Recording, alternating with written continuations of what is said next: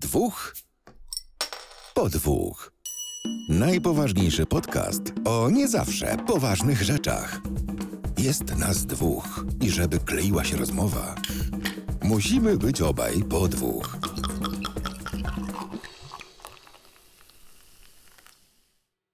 Witamy w kolejnym odcinku podcastu Dwóch po Dwóch. Jest to odcinek numer 104, ale myślę, Adam, że się ze mną zgodzisz, że jednocześnie jest to trochę odcinek numer 1. Tak. E, Odcinek wysoce wyjątkowy, mimo iż e, 104. E, Odcinek wyjątkowy, dlatego że obchodzimy rocznicę. Jest nieco spóźniona, oczywiście nagrywamy to jakiś tydzień po wydarzeniu, ale pierwszy odcinek naszego podcastu miał premierę 11 listopada 2018 roku. W związku z powyższym, e, zacytuję klasyka, jebło 5 lat. Wypadałoby e, powiedzmy, że poświętować, a że przez lata ostatnio odgrażaliśmy się, że ten pierwszy odcinek nie był najlepszy, jeżeli chodzi o jakość dźwięku i no, ogólnie nasze podejście do tematu wtedy, bo byliśmy bardzo, bardzo nieopierzeni. E, Myślę, że możemy sobie zobaczyć, jak to kiedyś było. Może nie wiem, Krzychu, jak będzie miał chwilę, to jakieś przebitki z tego pierwszego odcinka, gdzie się tam rzuci. Nie, nie będę, nie będę sobie i wam tego robił, bo y, ja rzeczywiście przed nagraniem tego odcinka przysłuchałem sobie ten pierwszy odcinek i to była naprawdę y, ciężka godzina w moim życiu. Y, 66 Merytorycznie minut, e, myślę, że, że było ok, ale no, mimo wszystko y, był to nasz pierwszy odcinek, y, taki mocno pilotażowy, testowy wręcz, jak y, teraz sobie tak myślę o tym. E, I rzeczywiście nagrywaliśmy go w warunkach takich, no jak na warunki podcastowe to były takie mocno polowe warunki, bo Tak. chyba nawet na słuchawce Bluetooth ja pamiętam, że to Tak, nagrywałem. Tak, to była tragedia. Ale, ale Tak. cieszę się, y, zresztą zaraz sobie pewnie rozwiniemy ten temat. W ogóle cześć, Krzysiek z tej strony, po drugiej Adam, Siema. co zresztą słyszycie, tak żeby już y, oficjalnie zacząć. To y, ja myślę, że najpierw musimy sobie coś otworzyć, żeby po prostu y, świętości stało się zadość. Tak. E, Co u ciebie? Ja bardzo szybko, y, u mnie jest dziko wiśnio. Owo- Jest to owocaśnie. Piwo, piwo owocaśne, piwo wiśniowe e, z podsamyśkich Tater, bo to jest wyprodukowane w Zakopanem w jakimś tam regionalnym browarze, więc ja od razu sobie zimniutkie, wyjęte z lodówki, e, takie akurat, wiecie no, żeby, żeby trochę piwa było trochę zimnego i słodkiego. Tak. I w A ty co tam masz? Znaczy w związku z tym, że ty byłeś w górach e, i że ty, ty suweniry przywozisz, to ja też mam takie spod, spod samiuśkich tater e, przywiezione przez ciebie. E, zbójeckie No. e, miód malina. E, I e, O, no to też. o ile, też o ile wiesz, no, no też słod- owocaśne, słodkawe. tak. Są dwie bardzo istotne sprawy. Po pierwsze, nie będę przelewał, bo mi się nie chce kufla szukać tutaj po prostu. Leniwy jestem i stary. Ale jedna rzecz mnie rozbroiła na etykiecie, której na pewno nie czytałeś. Nie. I na tejże etykiecie jest napisane coś, czego ja w, ży- w życiu by mi do głowy nie przyszło. Tu jest napisane, uwaga, spożyć niezwłocznie po otwarciu. no słuchaj, święta prawda. No. No a, tak, absolutnie, tylko ja mam pytanie. Do kogo jest kierowany ten komunikat? Na pewno nie do nas.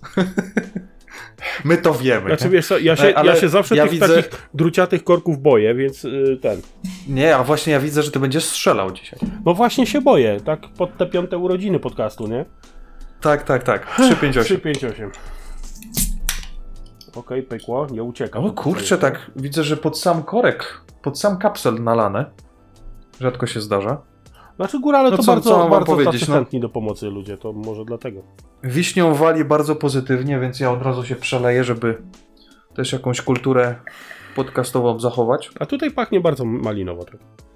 No, No tak. nie spodziewałbym się, żeby Ale czymś nie. innym e, pachniało. Ale taką malinową perłą miodową trochę, wiesz? I tak. Kolor też, iście. No, powiem ci, że trochę tak piccolo. Naprawdę. Nie wiem, czy ty to widzisz, ale. ale nie no mocno, widzę, mocno. widzę, ale ja się, ja się nie tak będę jakby się trochę saturacja przesunęła w, w, w dodatnią stronę. Color grading, proszę ciebie. Dobra, y, No tak. zdrowie wasze, zdrowie podcastu i Mhm. obyłam się. I obyśmy spotkali się w 208 odcinku. Kiedyś, kiedyś tam. Dobrze, moi drodzy, no y, ciągnijmy Dobra. to dalej. Dobra. Ciągnijmy to mocno, mocno y, rzeczywiście takie słodkie. A Ale mo- moje jest gorzkawe Okej, bardzo, niech aż będzie. jestem zaskoczony jak na... Kurde, ty, jak na miodowe to gorzkie. mhm. Malina się fajnie przebija, ale Jej, ja naprawdę mam wrażenie, że ja piję jakiś sok gazowany niż piwo. ja też, ale Mimo gorzkie. tego, że tu gorzkie. jest 4,2%. Ale to, a to jest 4,7. No widzisz. Damy radę spokojnie. Dobra, dobra, lećmy, lećmy. Piwo to No tak, Eee, żeby się tradycji no. podcastowej stało zadość, no to jakieś, jakieś coś współczesnego trzeba by poruszyć. E, Ty tam coś wspominałeś, że y, strasznie zainteresowany jesteś y, grą. Mafią. Tak.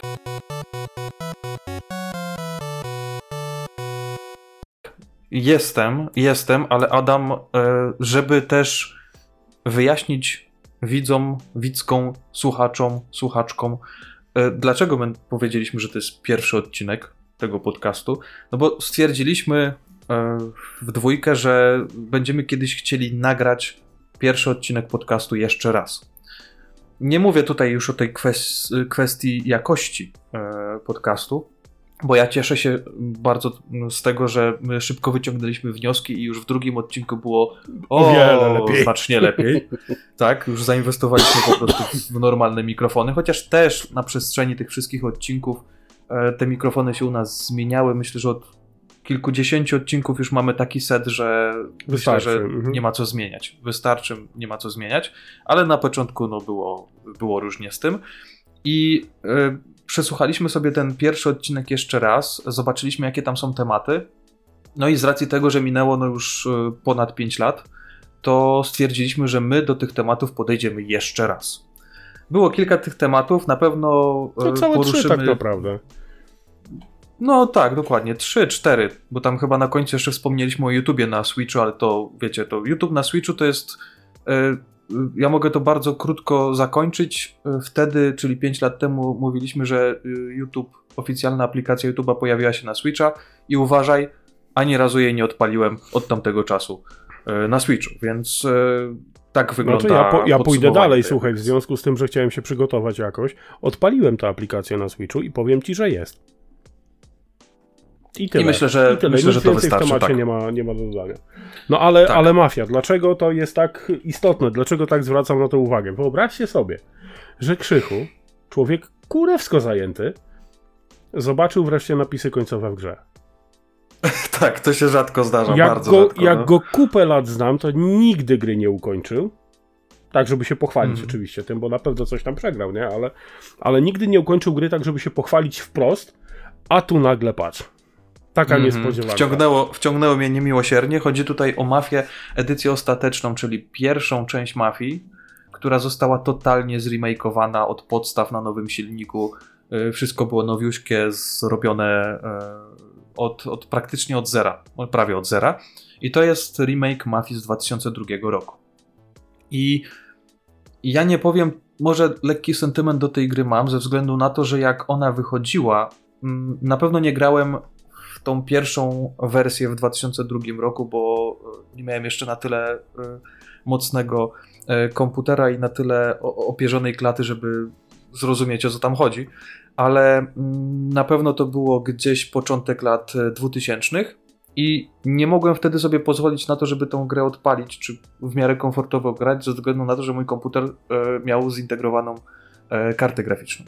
I ja głównie pod GTA 3 kupiłem od kumpla, uwaga, GeForce'a 2 MX400 z pamięcią 32 MB, także to był No i- kosmos no, wtedy. wtedy był najlepszy komputer na dzielni na pewno. Oczywiście, tak, tak. To jak grałem, to y, ten mój pokój się najjaśniej świecił wtedy, jak ktoś z zewnątrz widział. E, Ale nie, tak już zupełnie poważnie. Głównie kupiłem to pod GTA 3, bo od mafii się po prostu odbiłem. To nie były moje klimaty. Każdy grał w GTA 3, wiecie, pierwsze GTA w trójwymiarze i to w ogóle było, był fenomen.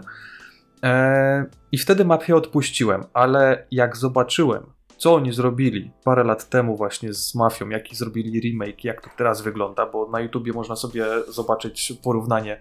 E, to jest jeden do jeden praktycznie gra, ale zbudowana od nowa. Tam fabuła ciągnie się tak samo. Tam wiem, że niektóre e, chyba dwa rozdziały połączyli w jeden, czy coś takiego, ale no wiecie, No ale no fa- ja- fabularnie to się trzyma kupy tak, jak się trzymało. fabularnie się bardzo mocno trzyma i głównie ze względu na to e, chyba ta gra mnie tak wciągnęła, bo e, chciałem po prostu poznać, co tam się dalej dzieje, co się wydarzy i kto kogo, że tak powiem, zaciuka. E, I rzeczywiście e, zobaczyłem napisy końcowe po kilku wieczorach. Ta gra nie była długa, bo ja jakieś niecałe 12 godzin, jak widziałem w statystykach na Xboxie, mi to zajęło, więc ja ogólnie lubię takie gry i pewnie dlatego, e, z racji tego, że teraz gra, która ma kilkanaście godzin, można ją nazwać bardzo krótką w porównaniu z innymi tytułami, które się pojawiają. Ale tak jak Adam wspomniał, no, ze względu na to, że y, tego czasu jest coraz mniej, obowiązków coraz więcej, ale też gier w tym, ro- w tym roku jest masa i praktycznie ten, ten rok, ja nie boję się y, użyć tego stwierdzenia, że był chyba najlepszym e, rokiem w ogóle w gamingu, jeśli chodzi o, o, o powiedzmy ostatnie 30 lat. E, Co pewnie też to sobie jakoś rozwiniemy, na przykład w jakimś odcinku, gdzie będziemy o Mhm. grach e, rozmawiać w tym roku.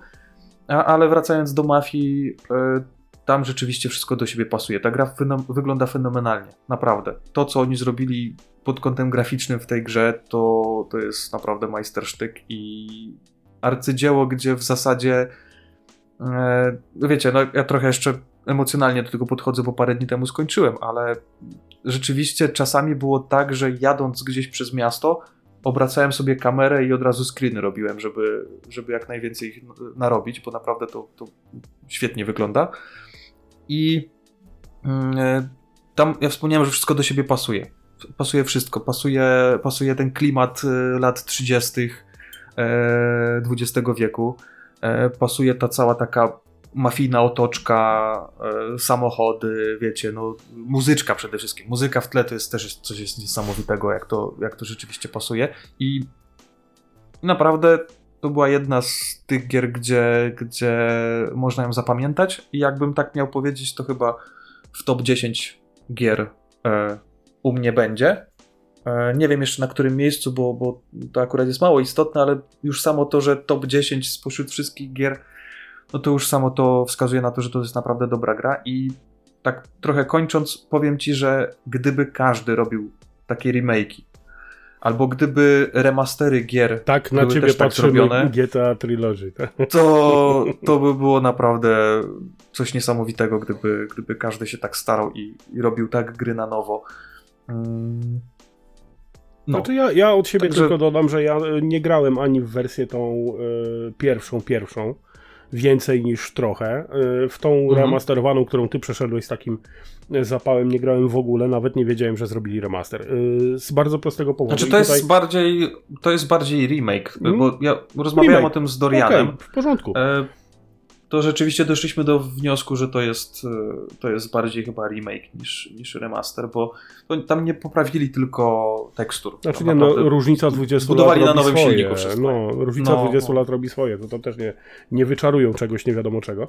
Ale ja tutaj na pewno narażę się mnóstwu mm, osób, dlatego że ja zwyczajnie nie lubię tego typu gier. Ja nie lubię GTA, ja nie lubię mafii, ja nie przepadam za tego typu tytułami. Jedyne, które mi podeszły z tego, w cudzysłowie oczywiście, gatunku, y, to była seria Saints Row, tak nikczemnie Mhm. zamordowana w ostatnim roku. Mm, Szczególnie część czwarta, z tego prostego powodu, że tam y, po prostu biegamy szybciej niż najszybsze pojazdy w grze. W którymś momencie, bo jesteśmy super, prezydentem, nie?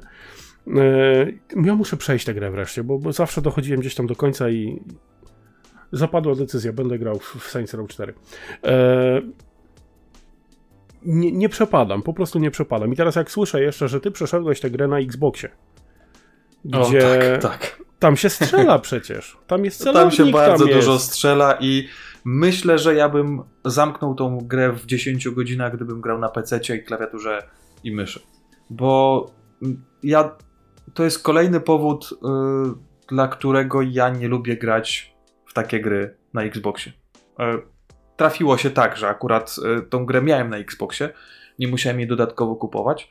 Ale no rzeczywiście, mimo tego, że jest delikatne wspomaganie, jeśli chodzi o, o, strzelanie, to nie lubię, po prostu nie lubię, ale na tyle fabularnie mnie wciągnęła, że stwierdziłem, że już y, jednak y, na większym ekranie będzie mi lepiej grać w salonie niż na, na mniejszym w, w biurze, więc tak to, tak to wyglądało. Ale naprawdę to jest, to jest bardzo dobra gra. No, To jest bardzo dobra jest gra i, i, i przez to, że y, ja z kolei, widzisz, ty polubiłeś Saints Row, ja się odbiłem od Saints Row, od Saints Row ze względu na to, że ja nie lubię takiego, tam jest taki mocno mocno absurdalny humor i bardzo jest taka e, no, przesadzona ta gra. To, to mało Tak. powiedziane przesadzona. E, też nie za bardzo mi podesz, podszedł na przykład e, Just Cause. E, trochę pograłem chyba w trójkę, ale też to nie są moje klimaty. Z kolei Mafia czy GTA, chociaż po przejściu Mafii to uważam, że jednak Mafia mnie trochę bardziej wciągnęła, co też, e, też trochę jestem Mhm. zaskoczony tym. Mm, Bo ogólnie ja na przykład nie lubię e, filmów e, z tamtej epoki. Nie lubię takich e, lata, powiedzmy, międzywojenne. Ale też o, o tematyce takiego, mafijnej, takie coś? coś... e, mafijna może trochę bardziej, ale jakbym miał jakiś taki kostiumowy bardziej e, film obejrzeć czy serial, to, to tak nie za bardzo. Mhm. E, chociaż ostatnio e, oglądałem. E, Ja- no, ja zresztą też prawdopodobnie mogę nie- później powiedzieć. Prawdopodobnie nie E. strzelę się w epokę prawidłową, ale to Peaky Blinders ci nie podejdzie, bo to tam te czasy są mniej więcej, nie? Mm, nie oglądałem nawet, ale dobra, to, to już może teraz powiem, że oglądałem też serial, który był na Netflixie i który tak naprawdę jest e, takim trochę potwierdzeniem tego, że jednak tego Netflixa warto jeszcze trzymać. To jest serial Bodies, czyli ciała. Mówiłeś E, mi i ostatnio o nim, przymierzam się do niego, nie miałem kiedy jeszcze się do niego wziąć. Jest 8 odcinków, e, są już wszystkie, to jest zaznaczone jako mini serial, więc e, na razie nie spodziewam się kontynuacji, ale też mnie bardzo wciągnął. I tam z kolei było coś takiego, że e, były te, te lata powiedzmy te 30, 40 poprzedniego wieku, e, tylko że tam było to też e, zrobione w taki sposób, że akcja była trochę przeplatana, bo działa się, można powiedzieć, że w czterech epokach, czyli w, pod koniec XIX wieku, na początku powiedzmy, że wojny II światowej, w czasach współczesnych i w przyszłości, więc to się fajnie przeplatało i plusem tego serialu jest to, że w zasadzie było jedno miasto pokazane w czterech różnych epokach i to bardzo świetnie zostało zrobione i przedstawione. E, Także warto, myślę, że warto obejrzeć, bo naprawdę dużo się dzieje i, i, i, i naprawdę dobry serial. No, ale to ale wracając tak do patrzę, Mafii- patrzę się teraz jeszcze na obsadę tego serialu, to ja dosłownie jedną osobę rozpoznaję. Z Ja całej, też, całej e, obsady. tak. Jedna się... Może jedna, dwie osoby takie są, gdzie, gdzieś w jakimś tam film, filmie czy serialu e, je widziałeś, ale mm, no, nie można powiedzieć, że to jest jakaś taka hollywoodzka Mhm. topowa obsada, Mhm. ale naprawdę dobrze się ogląda i polecam. Jeżeli ktoś y, nie oglądał, a nie ma Netflixa, to myślę, że dla tego serialu warto wykupić chociaż na miesiąc tego Netflixa. Mm. No nic, zobaczymy, I co, sprawdzimy. no, no, t- teraz mam w planach e, nawet od razu po e, przejściu Mafii jedynki wywaliłem z dysku e, Mafię, zainstalowałem dwójkę, tylko już gdzieś przeczytałem, że niestety dwójka już nie jest zremakeowana, to jest taki trochę bardziej re- remaster, gdzie podciągnięto niektóre tekstury i tam dużo mniej poprawiono niż, e, niż w przypadku pierwszej wersji, mm, pierwszej części Mafii, więc no, jakąś tam sobie przerwę zrobię, ale myślę, że na pewno wrócę do Mafii, bo, bo chcę zobaczyć też jak, jak ta dwójka wygląda, no nie? Mhm. No. No.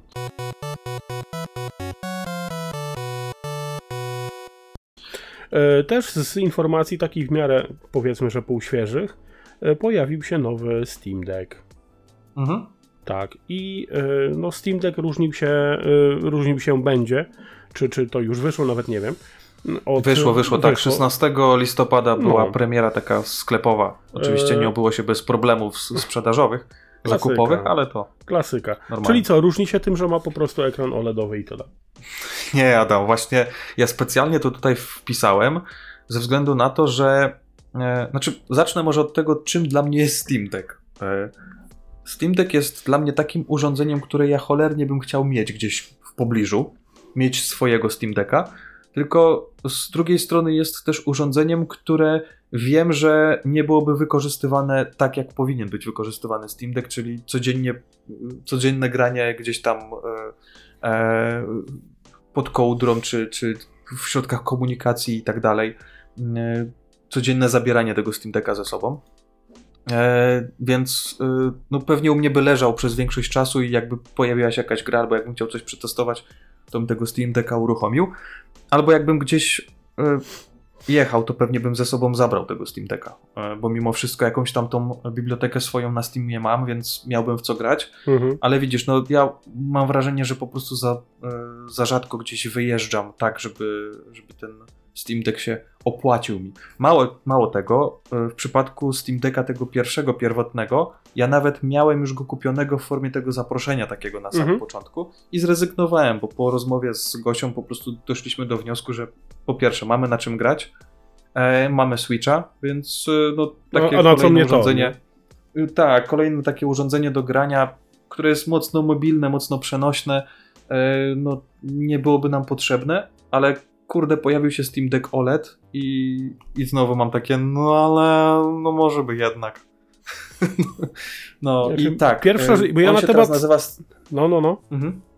On się teraz nazywa Steam Deck OLED i nawet jak wejdziesz na stronę Steam Decka, tam gdzie można go kupić, to już jest roz, tak jakby ta wersja rozróżniona, no nie? że Mhm. widzisz, która jest LCD, a która ma OLEDa i to jest podobne podejście jak y, Nintendo zrobiło ze Switchem, czyli pojawił się Nintendo Switch OLED i też rzeczywiście e, ten OLED w nazwie wskazywał, że tam jest lepszy ekran e, z dużo głębszą czernią, większy ekran, e, ale inne jakieś e, zmiany mm, no nie były na pierwszy rzut oka tak jakby e, wyszczególnione. W przypadku Steam Decka OLED rzeczywiście mamy na stronie e, większość, jak nie wszystkie te, te zmiany wyszczególnione i uważaj, tych zmian jest kilkadziesiąt.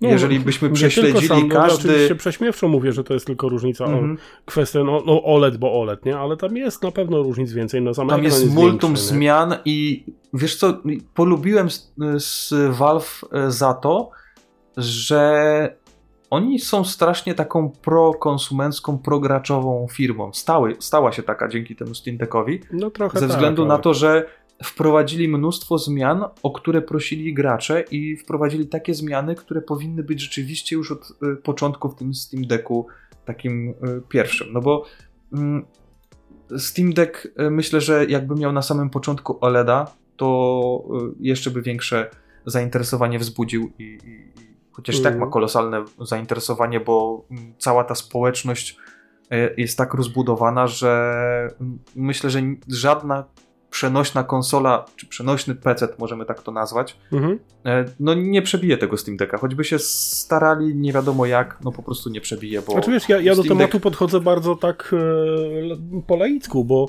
e, wiem, jakie możliwości ma to urządzenie, aczkolwiek tam w, w specyfikację techniczną nie zaglądałem głębiej. Mm, I wiem, że chciałbym mieć takiego Steam Decka i pewnie bym stawał na głowie i rzęsach, tylko żeby go widzisz, używać. e, Tylko, że znowu mam, mam PC, tam mam laptopa, no i co dalej, nie? tak, tylko Steam Deck, właśnie y, specyfikacja w Steam Decku nie jest tak naprawdę nikomu potrzebna, ze względu na to, że e, mamy wiedzę o tym, które gry działają idealnie na Steam Decku. Każda gra ma, powiedzmy, że informacje o tym, czy działa na Steam Decku, jak działa, e, czy została testowana na Steam Decku, czy nie. Tych gier jest coraz więcej, ale przede wszystkim Steam Deck broni się, po pierwsze, społecznością. To jest takie, wiesz co, to jest taki trochę, trochę hulajnoga Xiaomi e, wśród hulajnóg, e, Mhm. albo do czego tu można porównać, że rzeczywiście ta społeczność jest tak rozbudowana i możliwości naprawy czy dostępu do części są tak ogromne, że mimo tego, że pojawiły się jakieś kolejne e, wersje tej hulajnóg, to nadal ta, ten Mi Scooter pierwszy e, czy wersja Pro jest nadal Dalej jeździ, popularna, bo dokładnie. po prostu ludzie z tego używają, tak? Wymieniają Mhm. się jakimiś poglądami, wiedzą jak coś naprawić, wiedzą jak coś kupić i Steam Deck idzie w tym samym kierunku. E, I możemy na- bardzo łatwo sobie dysk wymienić, nie? No, Więc nie, to- tutaj nawet to- na, na Discordzie Adam podpowiada, że mm, pełno zmian jest pod maską. Gamers Nexus zajebisty materiał Mhm. na ten temat zrobiłem. Myślę, że my też możemy zajrzeć głębiej w tego Steam Decka, bo tak naprawdę głęboko na tak, jego no. temat nie rozmawialiśmy nigdy. Mm, Słuchaj, za e, 2599 zł to jest podstawowa wersja OLEDowa. nazwijmy to, podstawowa wersja OLEDowa, e, już masz e, 512 GB e, bardzo szybkiego dysku, Mhm. e, więc w zasadzie no, nie trzeba wymieniać. Według No mnie tak, ale teraz póki 512 jeszcze, póki jeszcze ceny, są, ceny są tych dysków jako takie, bo mają pójść w górę z tego co słyszałem, to wsadzenie sobie tam 2 terabajtówki nie powinno być problemem.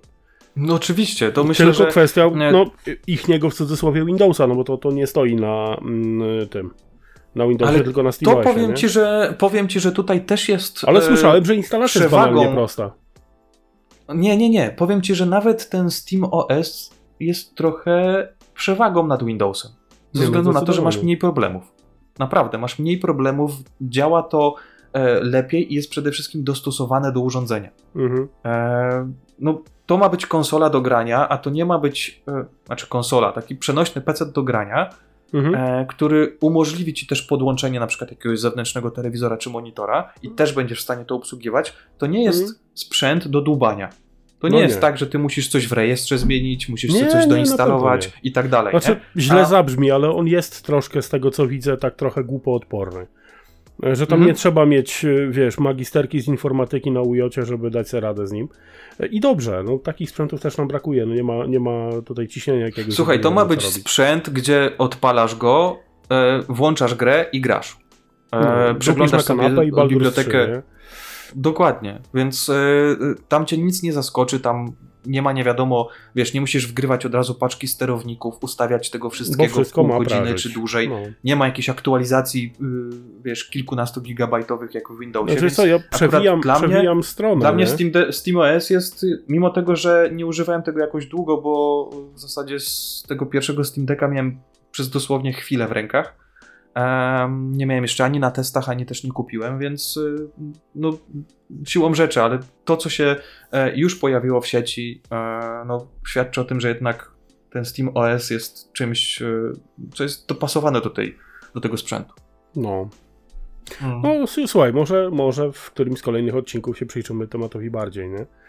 Mhm. Dobra, no to już róbmy ten pierwszy odcinek. Już wystarczy tych, tych newsów, tych, tych nowości. Tak, nie, nie będziemy tutaj się zagłębiać w tą specyfikację tego Steam Decka, bo to możecie nie, no wejść to, sobie na stronę temat Steam Decka zrobić w i, innym odcinku. tam jest idealnie po prostu wszystko opisane. Może jeżeli rzeczywiście się w przyszłości jakimś cudem pojawi, to po prostu wtedy go jakoś dokładnie omówimy, ale teraz możecie po prostu wybrać, e, znaczy macie dwie opcje, nie, tak naprawdę. Albo kupić Steam Decka w OLEDzie za minimum te 2600, albo znaleźć tego poprzedniego Steam Decka nawet i za prawie 1000 zł mniej, bo Steam Deck po prostu, znaczy Valve wyprzedaje powiedzmy, że te wersje. e, Oni wersje zazwyczaj tak robią ze starymi sprzętami, że zastąpiony No. nowym gonią nie ma. No, Ale w no, którymś momencie cena zacznie znowu rosnąć, bo ich nie będzie po prostu, nie? Jest masa zmian, jest masa zmian w ekranie, w ogóle w całym procesorze, w e, Wi-Fi nowsze dodali, e, bateria jest większa, ładowanie, no nawet kabel dłuższy dali w zestawie, tak dla wygody użytkownika, co też e, małe poruszenie zrobiło w sieci. E, Bo, no wiesz, mamy ładowarkę i mamy dłuższy kabel, nie? To, to tak no jakby, to już coś... no, patrząc na Apple'a czy Samsunga, to takie mało proekologiczne podejście. To kurwa to, że mamy ładowarkę, to już jest także spokojnie. Tak, i Patrz, więcej miedzi w, w, w tym, w formie przewodu w zestawie, to, to, to już jest, wiesz, 2,5 metra, a 1,5 Tak. metra, no to jednak jest Biedne, różnica. biedne dzieci w Zanzibarze już nie muszą kopać tyle, tak? Dla... Dobra, mamy, mamy pół godzinki strzelone, takim powiedzmy, że e, trochę dłuższym wstępem, żeby, Mi- mimochodem, wszystko nie? było wiadomo. Tak, żeby trochę tych, tych nowych, e, aktualnych rzeczy też się w odcinku pojawiło.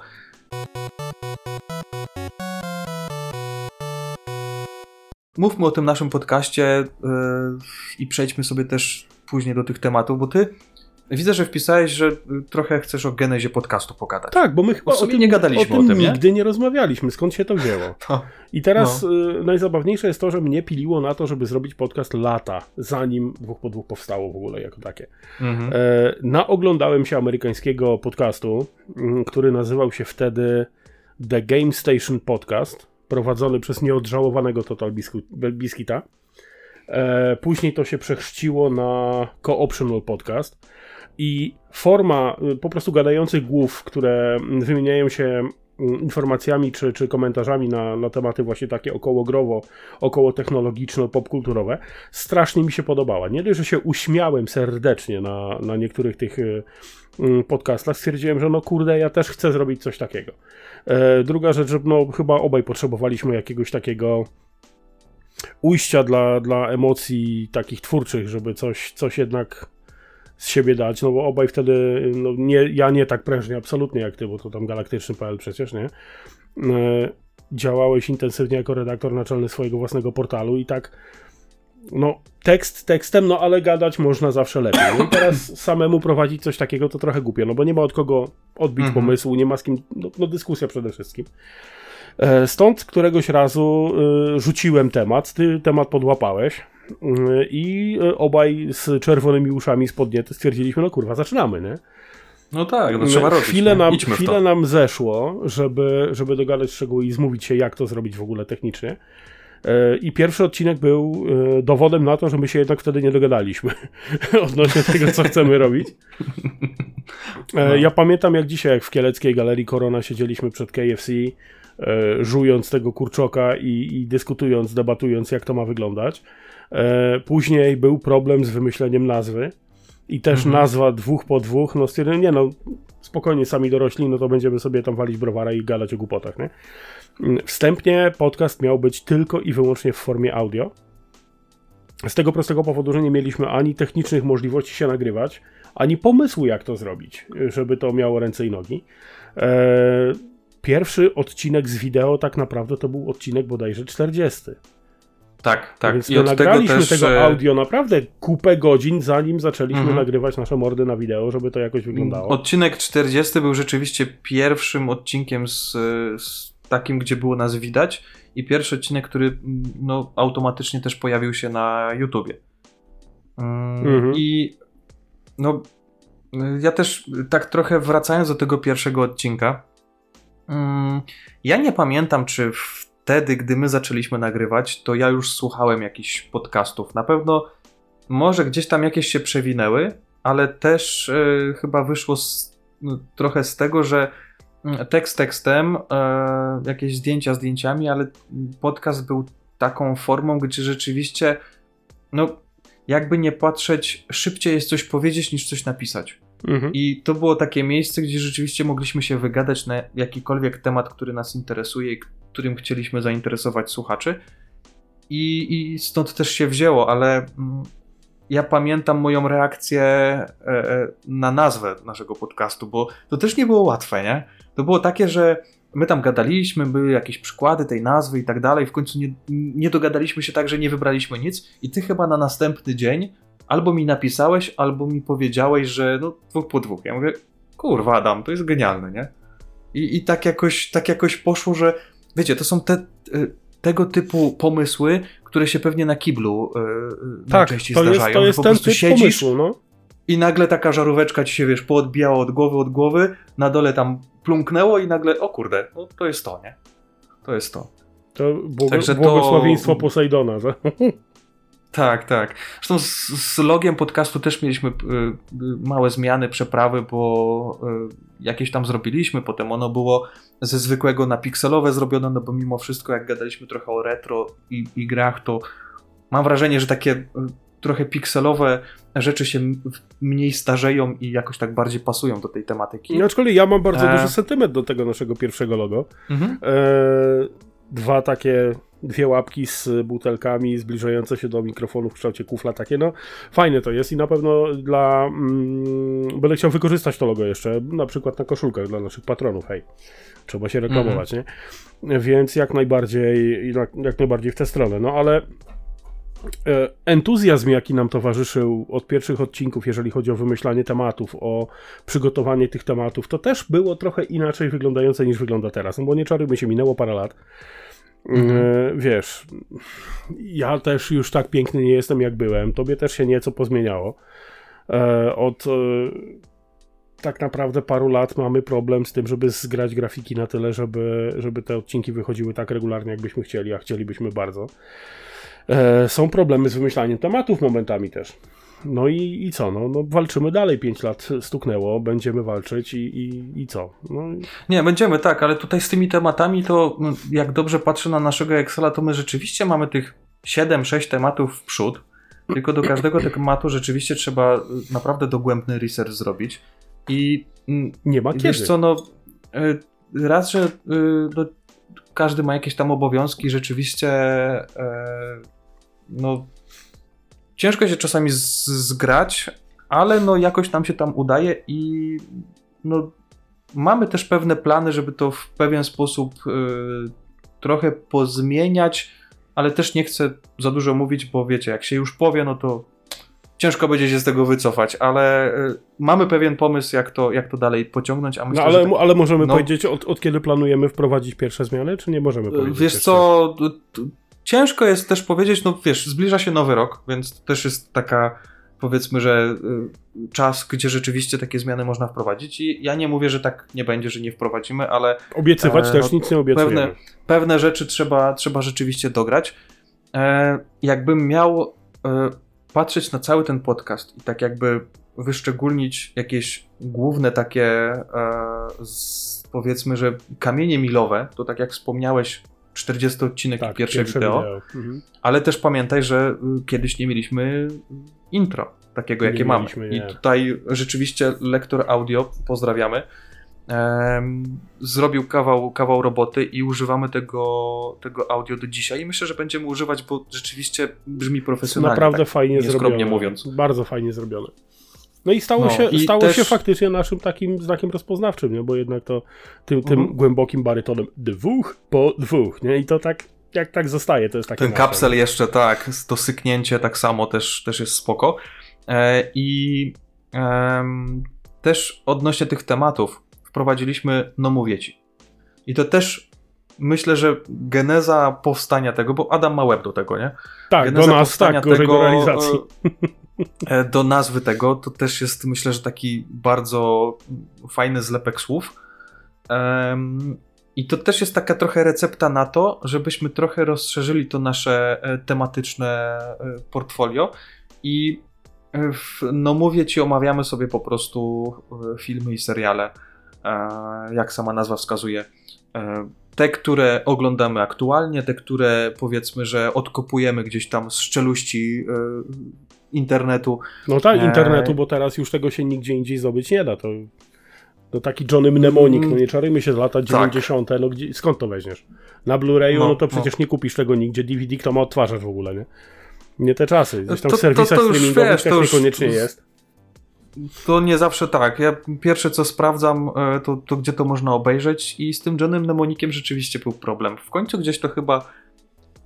Wiem jak to chyba było. To było na amerykańskim Amazonie, no bo no, Amazon Prime e, w Polsce ma trochę inną bibliotekę niż ten amerykański. E, Jakiś tam szachermacher zrobiłem, że to chyba wypożyczyłem, czy, czy kupiłem. Znaczy tak nic, się czego się VPN-em nie? załatwić nie da, żeby nie było, nie? Też, też. Także no też mamy kilka, kilka filmów do omówienia właśnie w ramach No Mówię Ci i pewnie też się pojawią w najbliższym czasie, więc cały czas coś się rozwija, e, ale ja, jeśli chodzi o to, e, z czego powiedzmy, że jestem najbardziej dumny, to to, że już w drugim odcinku udało mi się, na, udało nam się rzeczywiście tą jakość Podnieść. chociaż tego audio podnieść znacznie. Bo no, wracam jeszcze do tego pierwszego odcinka. Jak ja to słuchałem na głośnikach w samochodzie, to no tragedia. Naprawdę, naprawdę muszę się przyznać, że to, to było coś, coś, co nie powinno tak naprawdę powstać. I wiecie, ciężko jest słowo w słowo nagrać jeszcze raz odcinek, bo to też mi przyszło, poszło przez myśl, bo wiecie, odcinek poszedł, my to przesłuchaliśmy, ale no pojawiały się komentarze, no ej, kurde, no zajebiście, że ruszyliście z podcastem, ale to audio to, to, to wymiany, nie? No i to, to nas, że tak powiem, po nerach nieźle zdzieliło i musieliśmy, musieliśmy coś z tym zrobić i ten, wiecie, też tak trochę, e, trochę powiem, że my już się poprawiliśmy w drugim odcinku, ale ja słucham podcastów, nie będę mówił z, z nazwy, które merytorycznie są świetne, ale nadal u nich kuleje audio. E, nadal to jest. e, Ja też nie mówię, że mamy super idealnie, jak wiecie, ze studia nagraniowego, no nie, bo to, to nie, No o nie, to no, chodzi. no skłamalibyśmy. ale, ale no nie ma na pewno już jakichś takich e, różnic w, w ścieżkach, nie ma jakiegoś tam syczenia, trzasków, szumienia i, i tym podobnych No ale rzeczy. przyznaj I to Krzysiek, że w naprawdę na- porównaniu na- z tym, co, co 5 lat temu było, jeżeli chodzi nawet o samą ewolucję tego audio, czy tego wideo, czy tego nawet samego sposobu prowadzenia tych podcastów. E, Mhm.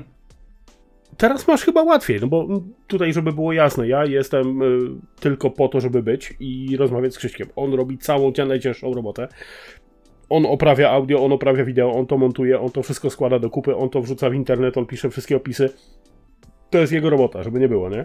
E, ale przyznaj, jest łatwiej teraz. Nie tylko kwestia, No oczywiście, nie tylko kwestia tak. wprawy, nie? ale też kwestia e, no, tego oprogramowania też się trochę pozmieniało, no bo my zaczynaliśmy w ogóle jakieś Mhm. abstrakcje totalne typu OBS, nagrywanie ekranu, mm, kombinowanie, żeby to wszystko jakoś co zamę do kupy zebrać, nie?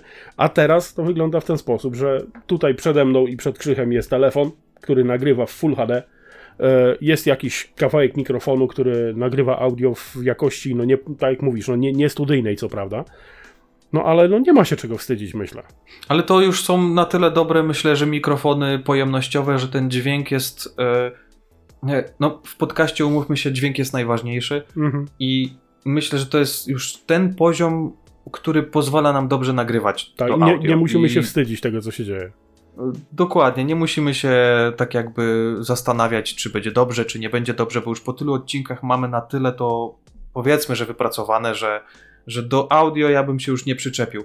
E, Naprawdę y, też y, nie chciałbym przesadzać z tym ze względu na to, jak widzę gdzieś tam po Twitterze, że ktoś testuje jakieś programy, kupuje jakieś licencje, w ogóle jakieś wtyczki i, i ten program potem wygląda tak, jakbym, nie wiem, jakąś produkcję filmową robił, no to, no sorry, no mm, też trochę mierzę siły na zamiary i fakt, nagrywamy powiedzmy odcinki godzinne, półtora godziny, dwugodzinne, ale ja też nie chcę potem spędzić trzech dni, żeby to obrobić. No tak. Ja audio wrzucam w Audacity, y, robię co mam robić, e, potem e, wrzucam to już od niedawna, od kilku odcinków CapCata. W CapCacie jest bardzo fajna funkcja, która synchronizuje audio i wideo, czyli audio Adama z wideo Adama y, jest w stanie tak wyrównać, że praktycznie kłapy się zgadzają 95% same, nie jest, tak, tak, jest 95% skuteczności, że to się uda. Ewentualnie tam delikatnie można już po tym przerobieniu przesunąć i ustawić tak, jak nam się, jak mi się wydaje, że będzie jeszcze lepiej. Robię to samo ze swoją ścieżką, tnę, dorzucam co trzeba, jakieś tam e, przejścia, nie przejścia, e, przerywniki dźwiękowe, dodaję intro i tyle. I, I w zasadzie, jak kiedyś używałem Magicsa do tego, to odcinek potrafił się renderować 3-4 godziny. No, E, Odpalałeś to na noc, szedłeś spać tak naprawdę, nie? tak. E, albo robiłem po prostu coś innego, e, jeżeli w ciągu dnia się to robiło. A teraz jestem w stanie zrobić w 7-10 minut w zasadzie cały eksport i, i, i tyle. Więc na przestrzeni tych 5 lat się bardzo dużo zmieniło Mhm. i myślę, że, że wystarczy, że to już jest na tyle okej, że, że nic więcej nie trzeba. Znaczy to, to E, też no chyba, że tak, będziemy że... mieć miliony odsłoń, to kupimy sobie po prostu studio gdzieś. To e, też nie jest tak, tak. Że, że my spoczniemy na laurach, nie będziemy kompletnie nic robić w stronę rozwoju jako takiego, nie? Bo na pewno są, tak jak Krzysiek mówił, są pomysły na mm, poszerzenie, powiedzmy, że tego portfolio tematycznego. E, na pewno będziemy poruszać tematy takie, śmakie, owakie, ja celowo mówię bardzo tak za wile, żeby nikt nie wiedział o czym, o czym ten, nie? No bo przyznam się bez bicia, że ja też nie do końca wiem, co przejdzie, nie? Mm, Bo ja mogę pomysły rzucić, co się przyklei do ściany, to zobaczymy. W każdym Mhm. razie dyskusję, dyskusję w tym temacie odbyliśmy już jakiś czas temu. Dorian nam bardzo dzielnie y, towarzyszył w tym y, przedsięwzięciu i będzie nam towarzyszył w tym przedsięwzięciu dalej. Mm, Myślę, że teraz to, nad czym musimy pracować, to jest wartość y, tutaj ta dodana merytoryczna tutaj, żeby żeby słuchać się nawzajem, żeby te tematy miały ręce i nogi, żeby nie było tego yy, i żeby jednak te wypowiedzi były na tyle spójne, żeby się chciało nas słuchać. E, kolejna rzecz, którą na pewno będziemy chcieli zrobić, to będzie rozbudowanie naszej, e, no powiedzmy, że słuchaczowej społeczności. E, mamy tego Discorda nieszczęsnego, zaniedbanego bardzo, ale to się poprawi, będzie więcej. Mamy tego Twittera, piszemy tam, udzielamy się, ale tak e, sama treść podcastowa nie jest tam jakoś przesadnie ciśnięta. Mamy Facebooka, mamy fanpage'a, gdzie mm, pojawiają się teraz bardzo regularnie. E, ja zmoczyłem pierwszy raz teksty. No, ale, mnie też się parę razy zdarzyło, więc. Pojawiają się teksty, które nie są związane tylko i wyłącznie stricte z grami, serialami, filmami czy popkulturą. Na przykład, no, Krzysiek ostatnio napisał mm, bardzo fajny tekst na temat tej mafii, o której rozmawialiśmy. Ja popełniłem jakiś czas temu Mm, tekst związany z kołami gospodyń wiejskich, wyobraźcie sobie. Także to też jest tak trochę no, szerzej niż by mogło być. Także no, wszystkich chętnych zapraszamy oczywiście. E, I co jest ciekawe, my też y, na pewno będziemy wracać do tych innych odcinków, bo, bo przecież w co dziesiątym odcinku pojawiali się goście. E, był Porchinio, był Majster Piżu, była Kasia Pura, pozdrawiamy. E, było tych gości trochę. E, niektórzy goście, tak jak chłopaki z Shufflecast, pojawiali się kilkakrotnie i też mam mhm. nadzieję, że nie po raz ostatni. My też u nich braliśmy udział w podcaście. Chyba najdłuższy podcast, jaki zrobiliśmy, to nagraliśmy z nimi, nie? Ponad 3 godziny tam było. Chyba tak, Dobrze ale pamiętam? to by musiał w statystyki wejść. No, no to, było, to było bardzo, ale był bardzo długie. E, no i teraz popracujemy nad tym, żeby to się jakoś rozwijało, także mam nadzieję, że mhm. będziecie z nami i, i co? No i to też, tak jak, tak jak Adam wspomniał, e, nie jest tak, że mamy ten set powiedzmy już taki finalny zrobiony. Nie jest zamknięty. nie? nie jest tak. Ja na przykład patrząc z mojej strony, ostatnio e, zrobiło się tak, że pojawiło się nowe oświetlenie Elgato, które jest tutaj, które mogę sterować z telefonu, które daje mi możliwość ustawienia tego oświetlenia tak jak chcę. E, a zrobiłem to tylko dlatego, że chciałem mieć trochę większy porządek i taki, wiecie, set, który e, nic mi nie przeszkadza. Jak mam nagrać podcast, to po prostu siadam, przesuwam do siebie mikrofon, włączam oświetlenie, włączam oprogramowanie i tyle. Nie, nie biorę, wiecie, walizki ze sprzętem, stawiam na biurku, ustawiam wszystko pół godziny wcześniej. E, I teraz myślę, że tak samo mikrofon. Kiedyś stał z przodu biurka było ramię przymocowane, teraz jest z tyłu. Y, i myślę, że z punktu takiego mm, nie tylko jakościowego, ale też trochę głupie słowo, ale wygodnickiego jest to lepiej, więc tutaj znowu jakiś tam delikatny krok y, w przód, żeby to było lepsze. I nie wiem jak będzie dalej, może telefon zmieni swoje miejsce zamiast ze statywu, który jest na biurku, no, który w sumie też rozstawiam przed nagraniem, powędruje na po prostu ramię, który jest y, obok oświetlenia. To też jest jakaś tam, jakaś tam myślę, że zmiana e, no, na plus, to nie? Więc y, zawsze coś tam się dzieje i no co mam, co mam wam mówić? No, oby było lepiej, nie? No,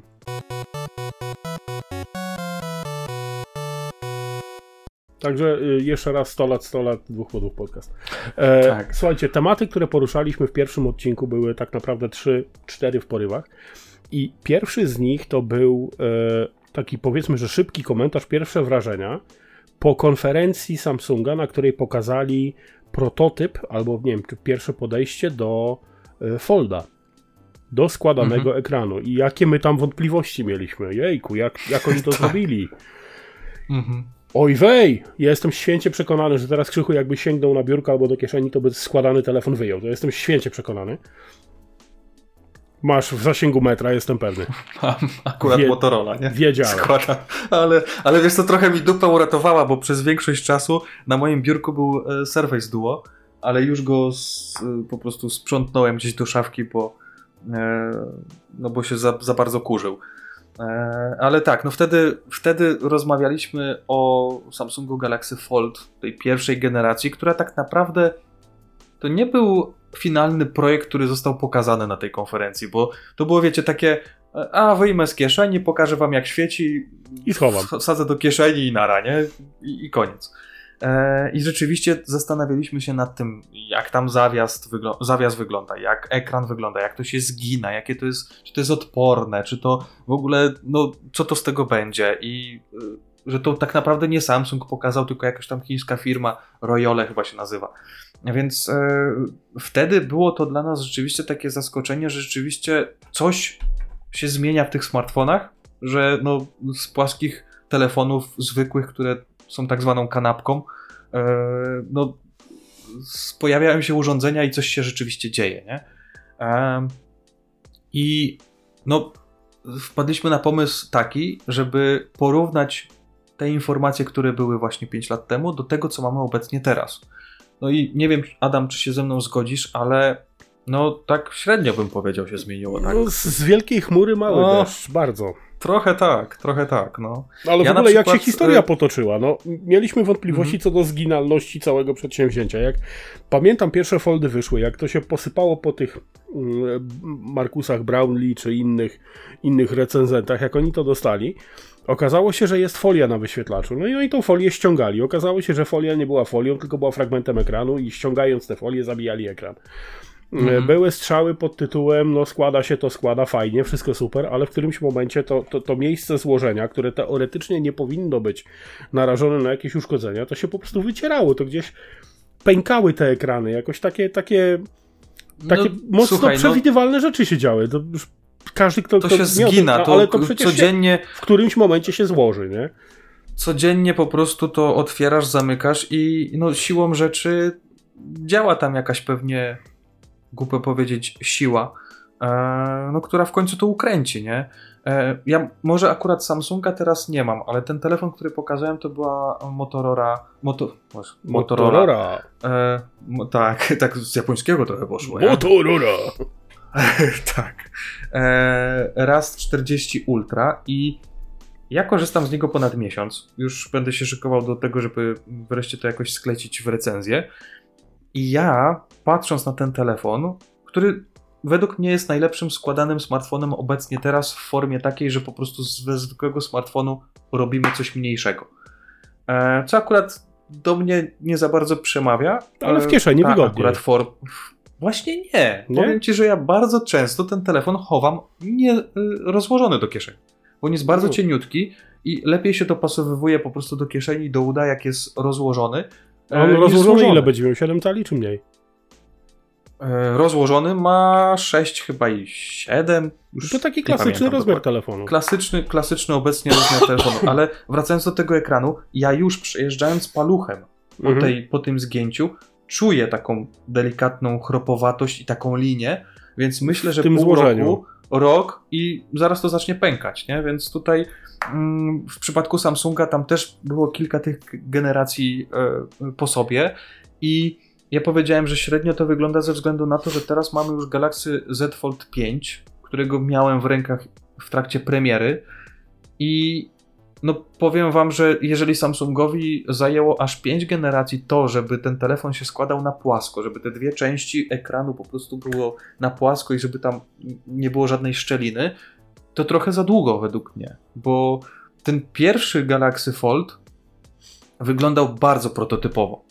W porównaniu z dwójką, która się, z kolejnym modelem, gdzie naprawdę sporo rzeczy poprawiono, bo i e, większy ekran się pojawił i ten środkowy ekran był e, 120 Hz i w ogóle konstrukcja się na tyle zmieniła, że to było takie Znaczy bateria była jak- niebowydajniejsza przecież w tej, w tej Wy- generacji. tak, ale wyglądał ten, ten telefon tak, jakby y, nie został gdzieś wykradnięty z fabryki przed premierą i nie wyglądał jak prototyp, tylko rzeczywiście wyglądał jak telefon, który można kupić.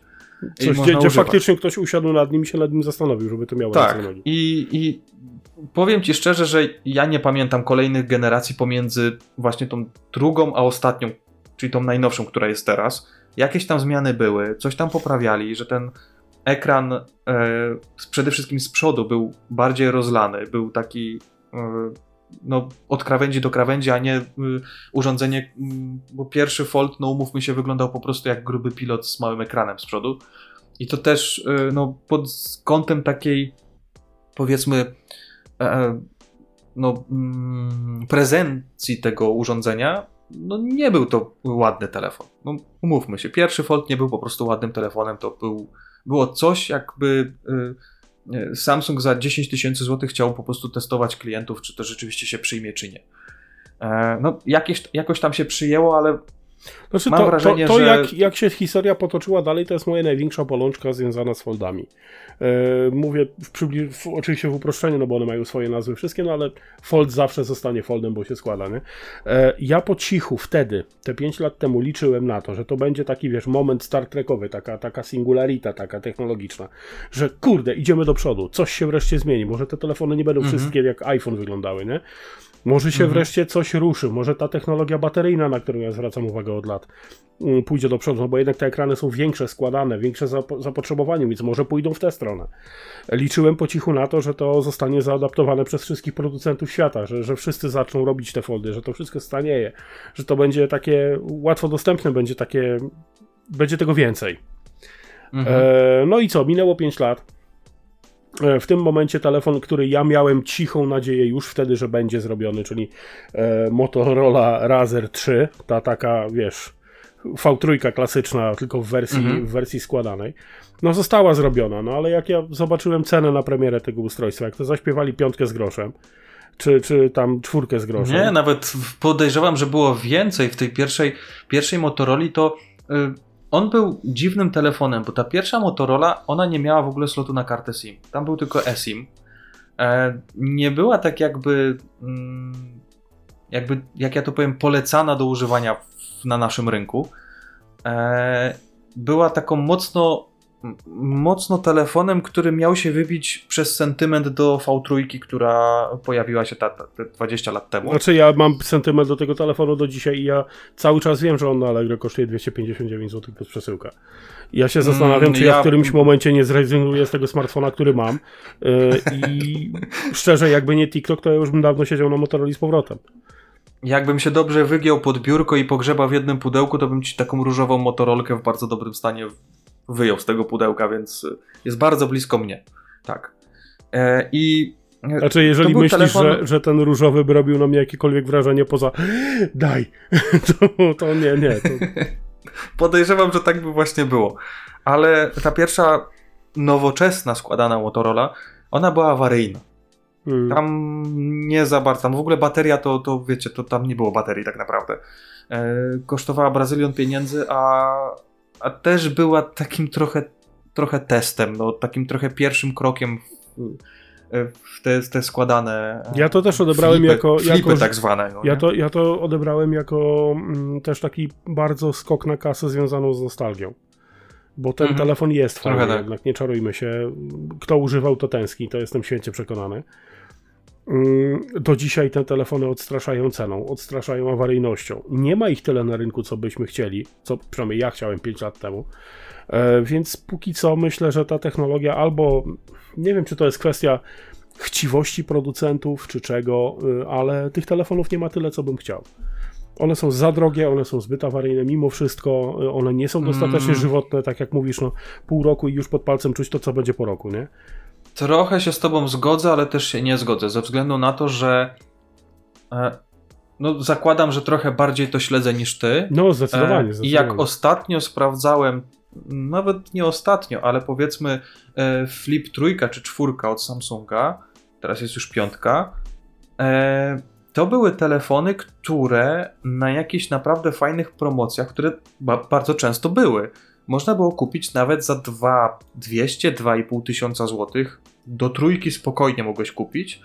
E, Mhm. Tylko też trzeba było się liczyć z tym, że mm, to był telefon, który e, rzeczywiście interesował i tak jakby mm, swoim samym wyglądem i konstrukcją był w stanie jakoś tam zainteresować osoby, mm, wśród których się używało tego telefonu.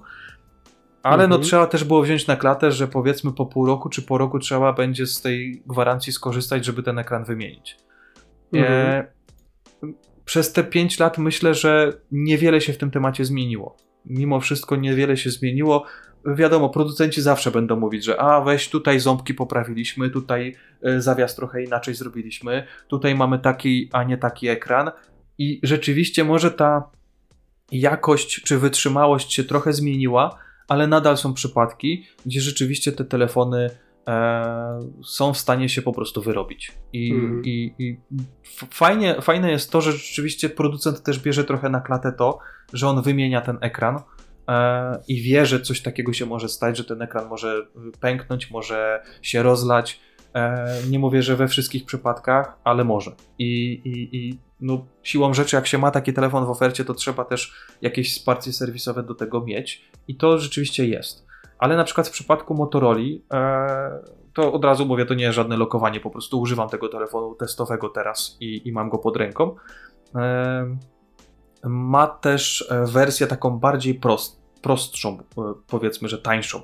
I też rzeczywiście do 3000 można spokojnie tą prostą Motorola, nową Motorola Flip kupić. Mhm. Z trochę mniejszym ekranem na, na froncie, ale z trochę inną specyfikacją, ale, ale da się. I to jest powiedzmy, że cena już do 3000, jeśli możesz kupić składaka e, w formie flipa, to już jest cena w miarę przystępna, że jeżeli ktoś chce, to niech sobie kupi 6. Mhm. Więc, y, Mhm. więc jest taka możliwość. W przypadku Folda, no ja mam wrażenie, że inni producenci, bo umówmy się, przez te kilka ostatnich lat, no nie tylko Samsung ma Folda. Mhm. Pojawił się Oppo, pojawił się Huawei. E, I Huawei pojawił się taki, że z butów wyrywa, naprawdę. Tam e, smukłość tego Huawei, czy nawet nowy Honor, e, on jest bardzo smukły, mimo tego, że nadal się składa, e, czy rozkłada i tam są tak naprawdę, powiedzmy, że dwa ekrany połączone, e, może nie dwa ekrany, ale jeden duży ekran, który się składa na pół e, i ten telefon jest fantastycznie cienki. No ale w związku, w związku z, tą, z, tym, z tym, z tą smukłością, jak z e, termalami, jak z temperaturą. Nie, tam nie widziałem, Nie e, żeby ktoś narzekał na to, a wręcz e, mam wrażenie, że bardziej osoby zachwycają się właśnie Huawei'em niż Samsungiem, który teoretycznie pokazał jako pierwszy taki konsumencki e, Mhm. składany telefon. Mm, Tylko, że ze składanymi telefonami, jak już o nich rozmawiamy, ja mam jeden zasadniczy problem. Mhm. Ten problem polega na tym, że bliżej mi rzeczywiście do Folda niż do Flipa, bo ja wolę ze zwykłego telefonu zrobić większy, powiedzmy taki mini tablet i ten multitasking e, trochę zwiększyć, Mhm. ale ja za każdym razem, jak używałem Folda, to nie było jeszcze to. To nie było pod kątem interfejsu, czy pod kątem aplikacji, czy pod kątem tego, jak ta wielozadaniowość wyglądała. Mhm. Nie byłem się w stanie do tego przekonać. E, Mało tego, jak miałem w rękach tego ostatniego Z Folda 5, to ja po rozłożeniu tego telefonu, tak jak książkę, obracałem go o 90 stopni, bo te proporcje mi bardziej pasowały e, w formie takiej, że ta górna krawędź jest, e, jest e, no ten telefon powiedzmy po rozłożeniu powinien być szerszy niż węższy, nie? Mhm. na tej zasadzie. E, Taki powiedzmy, że e, prostokąt trzymany poziomo, można tak powiedzieć? No, można. chyba. Tryb, tryb horiz- horizontal, tak? Pano, panoramik. Tak, tak, tak, że rzeczywiście bardziej mi to pasowało i miałem nawet tak, że czasami się łapałem na tym, że jak rzeczywiście przekręciłem go o 90 stopni, to od razu go chciałem zamknąć, mówię, no kurde, no nie działa, nie? I, i, i te proporcje, które na przykład są w y, Pixelu Foldzie, albo nawet y, w Oppo Find N czy Find N2, to bardziej do mnie przemawia niż, e, niż właśnie te foldowe proporcje w e, Samsungu. Tylko, że nadal nie jestem w stanie się przekonać do tego interfejsu. Tam wiadomo, kombinują jak mogą, że jakiś pasek e, na dole ala Linuxowy czy ala taki Windowsowy dodają z, z przybornikiem, a to można kilka aplikacji naraz e, otworzyć. Tylko nadal coś jest nie tak, że kurczę, albo mi rysika brakuje, albo te aplikacje nie wyświetlają się tak jak powinny. E, No jest coś jeszcze w tym, że, że mimo wszystko chyba ten standardowy telefon Mhm. jakoś tak lepiej się obsługuje. Chociaż przyznam się szczerze, że ja jestem takim trochę freakiem technologicznym i gadżeciarzem i e, Surface Duo jakoś tak więcej, więcej bardziej mnie, bardziej mnie zachwycił, mimo tego, że no, dużo osób uznaje, że to jest beznadziejny produkt, to no, Microsoft też uznał, że jest beznadziejny, bo już wsparcia nie ma i nie szykuje się nic, żeby się pojawił jakiś kolejny Surface Duo. E, ale Ma- mimo wszystko Microsoft jakoś chyba tak nie za bardziej, bardzo wie, co chce. bardziej mnie zainteresował niż, niż każdy inny fold. No.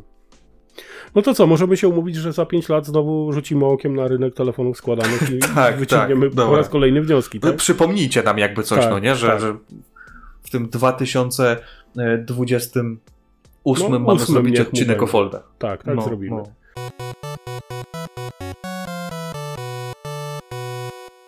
Drugi temat, jaki był poruszany w pierwszym odcinku, to była mm, historia Zupełnie- związana Tak. z grami. Historia związana z BlizzConem e, w Anaheim w 2018 roku, który odbył się dosłownie kilka dni wcześniej, na którym to wszyscy oczekiwali niczym zbawienia e, informacji na temat Diablo 4, a tu wyskoczył na scenę jegomość i powiedział, że będą robili mobilkę. Na co Tak, tak, pamiętam. pojawił, pamiętam. pojawił się człowiek legenda w czerwonej koszuli, łysy w okularach z brudką i spytał ale to jest jakiś, jakiś żart w ogóle? Spóźniony pryma aprilisowy? I Mhm. to w jaki sposób wtedy wili się ci deweloperzy, żeby wybrnąć z sytuacji, której się nie spodziewali i na pewno jej nie planowali. Ach, to było piękne. No i teraz jak się sytuacja potoczyła? No ogłosili. Była cisza na trybunach, potem było buczenie i wycie. No ale no jak powiedziało się A, to trzeba powiedzieć C. I oni tę grę wypuścili, tylko że parę lat później. Tak jak mówię, my rozmawialiśmy o BlizzConie z 18 roku e, i w pierwszym odcinku naszego podcastu ja byłem śmiertelnie obrażony na, Blizz, na, na Blizzarda.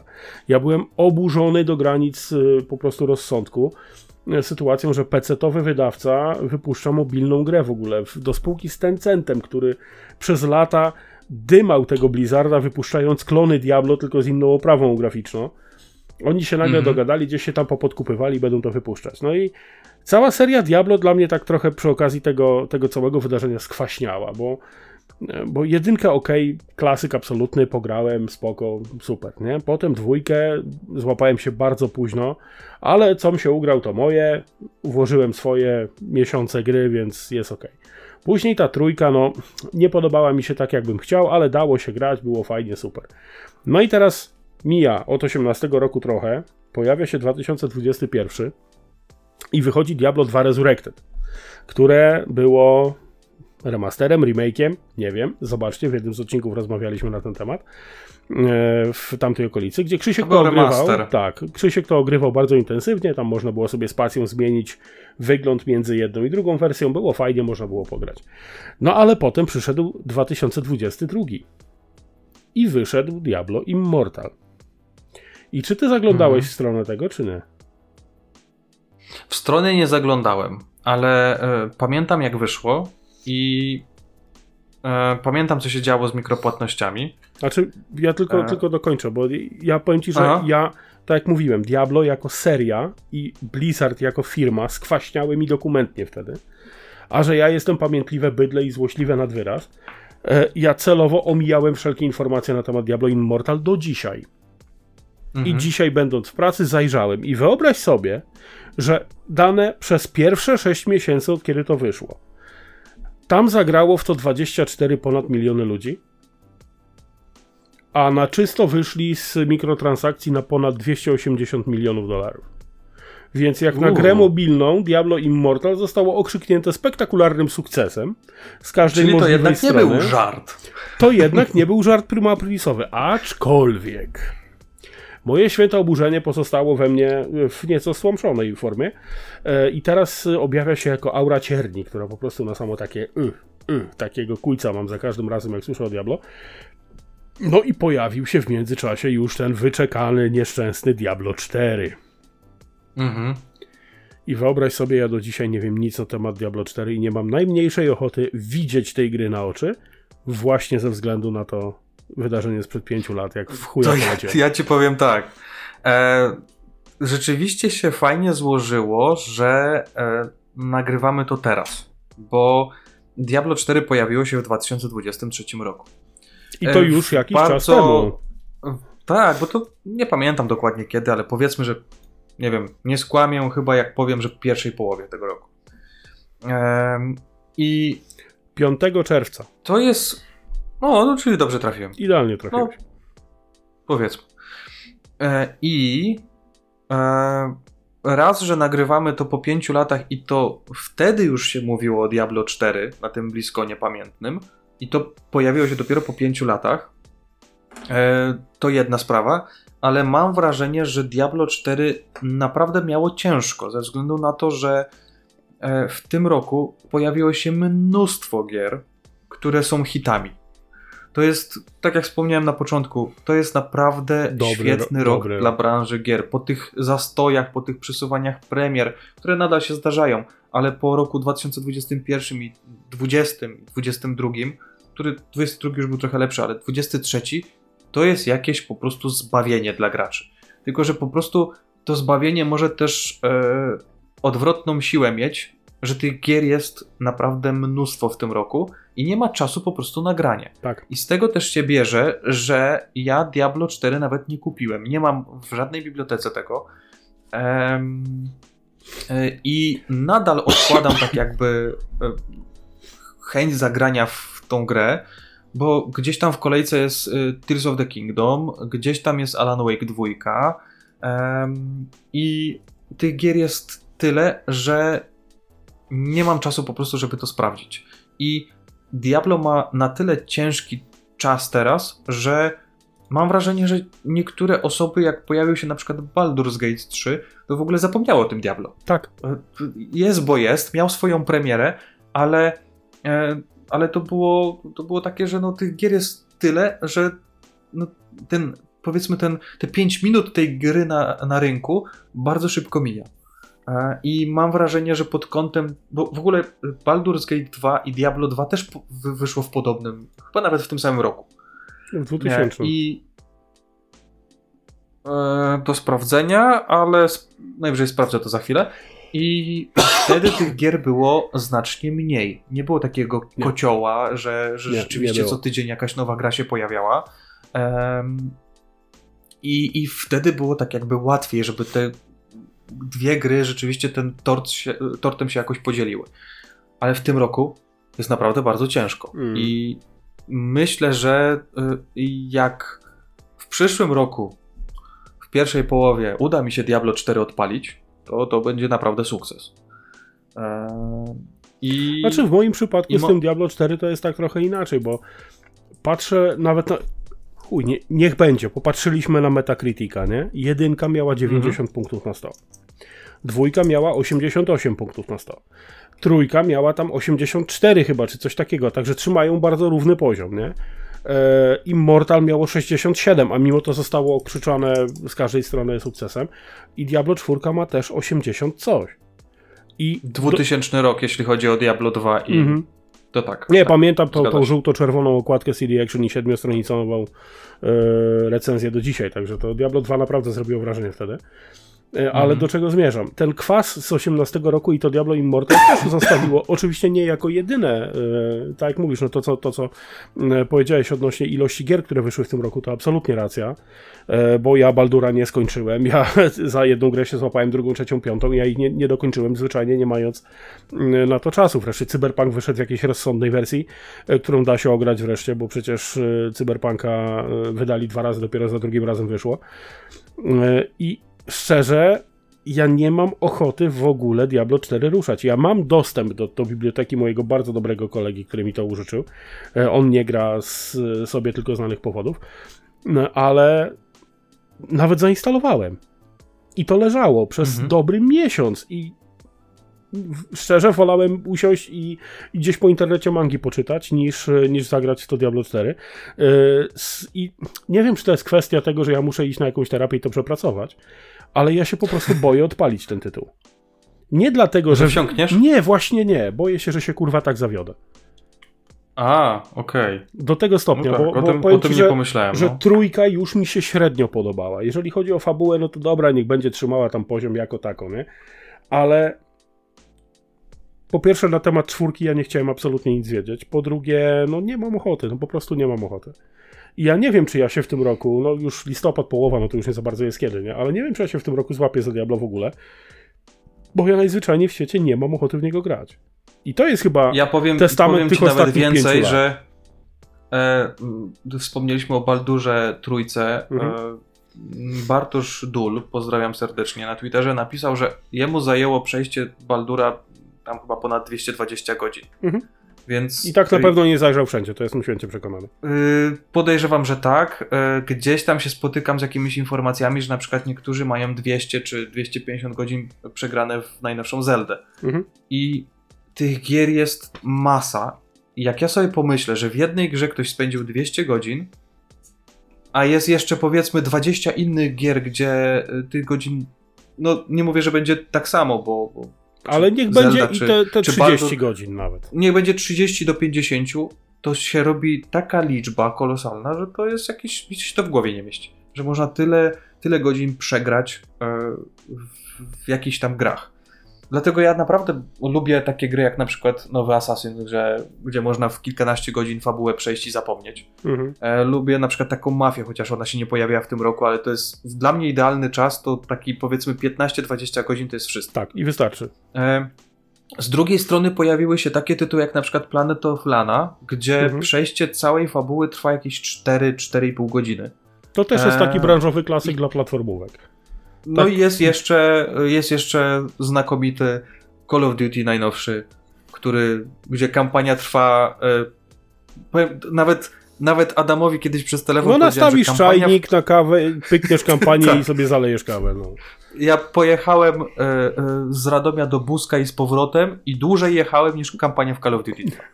Więc to, to, to jest, to jest, e, wiecie, no, ten, ten poziom absurdu. No, ale, Eee. ale wracając do Diablo, żeby zakończyć ten temat, Mhm. nie?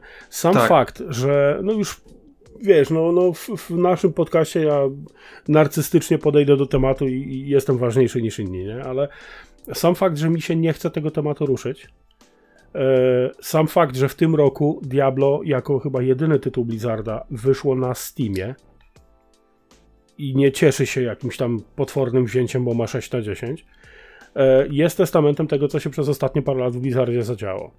Że jednak to Activision, jak kupiło tego Blizzarda, to utopiło tę firmę dokumentnie. I teraz ja cały czas trzymam się tego, że ja się zwyczajnie boję to Diablo ruszyć. Do tego stopnia, że szkoda mi czasu obejrzeć filmik z fabuły na YouTubie. Mhm. Do tego stopnia, więc no ja z całą serią e, na chwilę obecną, mimo że tak jak tak mówię, no zabrzmi jak, jak gigantyczna hipokryzja, nie? Ale ja jestem serią strasznie rozczarowany. Ja nie chcę wiedzieć, co będzie dalej, bo trójka mnie trochę zawiodła, jeżeli o to chodzi. No fajnie się grało, ok, ale ja chciałem więcej. E, Bo jedynka jedynką, ale dwójka była mimo tej całej powtarzalności, no ale to jest mechanika gry, więc y, się robi w kółko to samo. Y, ta gra była epicka. To ja, ja do dzisiaj pamiętam, że y, Rakaniszu krzyczał Vagabord. Ja wiem, że muszę mieć zwój Nifusa. Ja, takie, takie podstawy, nie? Ale ja to wszystko pamiętam, ja to wszystko wiem do dzisiaj. Z trójki ja nie pamiętam, jak się postaci nazywały na litość boską. No Bo coś w tym jest, już odbiłem no. się od tego, a do czwórki po prostu boję się podchodzić, żeby sobie tym, tą, tą łyżką dziegciu w formie potencjalną, bo nie mówię, że jest źle, bo nie grałem, nie? ale tą potencjalną łyżką dziegciu nie chcę sobie zepsuć beczki miodnego grania z dwójki na przykład, nie? Trochę tak. Ja mam, ja mam też trochę tak, że trochę pograłem w Resurrected. I mam problem taki, że grając w Diablo 4 będę miał, będę tak jakby gorsze odczucia miał w czwórce niż właśnie w tej zremastorowanej dwójce. Mhm. E, I to też trochę takie, że to, nie jest, e, akurat Diablo 4 nie jest e, dla, dla mnie grą taką, wiecie, pierwszą, którą muszę zagrać. Myślę, że nawet wyższy priorytet u mnie ma trzeci. Baldur, mimo tego, że nie, nie przesadzajmy, no. To, no. To nie, nie. Em, I wyższy priorytet ma dla mnie na przykład y, Cyberpunk, którego też nie przeszedłem, bo problem w tym roku jest taki, że ciężko jest y, zagrać w te wszystkie gry i mam na przykład kilka gier rozpoczętych, ale nieukończonych. Y, nawet taka gra jak Planet of Lana, gdzieś tam zostało mi ostatnia godzina i też czeka na swoją kolej, że rzeczywiście będzie, będzie ta sobota, gdzie wezmę pada do ręki i mówię, dobra, dzisiaj, dzisiaj kończymy to, jutro kończymy to, a w przyszłym tygodniu kończymy to. E, mało tego, e, przyznam się, e, ja nawet Tears of the Kingdom nie wsadziłem do konsoli. Bo to jest, to jest tak rozbudowana gra, że, że boję się, że tam, no, jak zacznę grać, to będę grał do Krzychu, ja Switcha, marca. ja i- Switcha i tak. nie włączyłem od pół roku. A no to też, też swoją drogą. No ale widzisz, no w Baldura trójkę jakiś tam czas grałeś, więc Nie no, w Baldura trójkę pograłem też masz długo. swoje priorytety, no nie? W Baldura trójkę No. pograłem długo, jakieś 8 godzin nawet chyba. Ja na przykład Wycisnąłem. teraz y, zainstalowałem Dead Space'a tego, ten remake. Mhm. E, Pograłem z godzinkę. y, Wiem, że na pewno do tego wrócę, bo to było takie trochę po tej mafii, że mówię, dobra, no nie, nie rozpocznę dwójki, dopóki nie zagram w jakąś inną totalnie e, Mhm. grę niż, niż, niż mafia. No i rzeczywiście ten Dead Space zainstalowany i znowu przypominają mi się te czasy, jak grałem w tą pierwotną wersję e, i grało mi się bardzo dobrze. Tu jest jeszcze lepiej, dostajemy to samo w lepszej oprawie, więc myślę, że, że też mi się to spodoba, bo już trochę pograłem. Mhm. E, więc tak, tak wygląda, tak trochę zamykając y, temat gier, które się pojawiły w tym roku, to ja mam, jestem pewien, jestem pewien, że w gry z tego roku my będziemy grać przez najbliższe kilka lat. Tak. Bo jest ich tyle. Znaczy, jak, jak roku- sprzed dwóch, trzech lat jeszcze mam w kolejce, to ta kubka wstydu To wcale nie swoją maleje. drogą, nie? wymagająco. Ale w przyszłym roku w zasadzie taką jedną z gorętszych premier, które rzeczywiście o których wiemy, to jest Stalker 2. E, I to ma się pojawić jakoś tam chyba w, w, powiedzmy, że w przyszłym roku na początku. E, flashbacka dwójkę przesunęli, Przesunęli znowu. przynajmniej wersję PS4 i Switcha przesunęli na przyszły rok, ale na PC się pojawił. E, to też jest jakaś tam gra, którą mam gdzieś w kolejce e, przed sobą, więc no, jest tego naprawdę, naprawdę od groma. Znaczy w tym, roku, Ale- w tym roku największą informacją około gamingową, jaka gruchnęła i, i ruszyła moje szklane serce e, zamarłe dawno temu, e, to był e, zwiastun, pierwszy taki prawdziwy zwiastun Mass Effecta 5. E, I potem gdzieś dwa dni później wyczytałem, że ktoś, nie wiem kto to jest, to jest ktoś, kto na pewno zna się lepiej niż ja, stwierdził, że no ale spoko to, ale to wyjdzie dziś w 2029 roku. tak. To co ja No. zrobię, kurwa, córkę do ślubu odprowadzę, a potem pójdę grać w Mass Effecta? No bez przesady, że ja starym człowiekiem będę.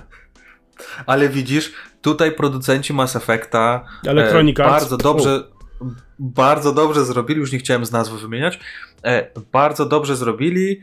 Mamy czas, żeby ograć te gry z tego roku do premiery Mass Effecta. Do Bardzo premiery trailera, jakich znam, bo będą Tak trochę przesuwani. na rękę nam poszli, no nie? Więc, no.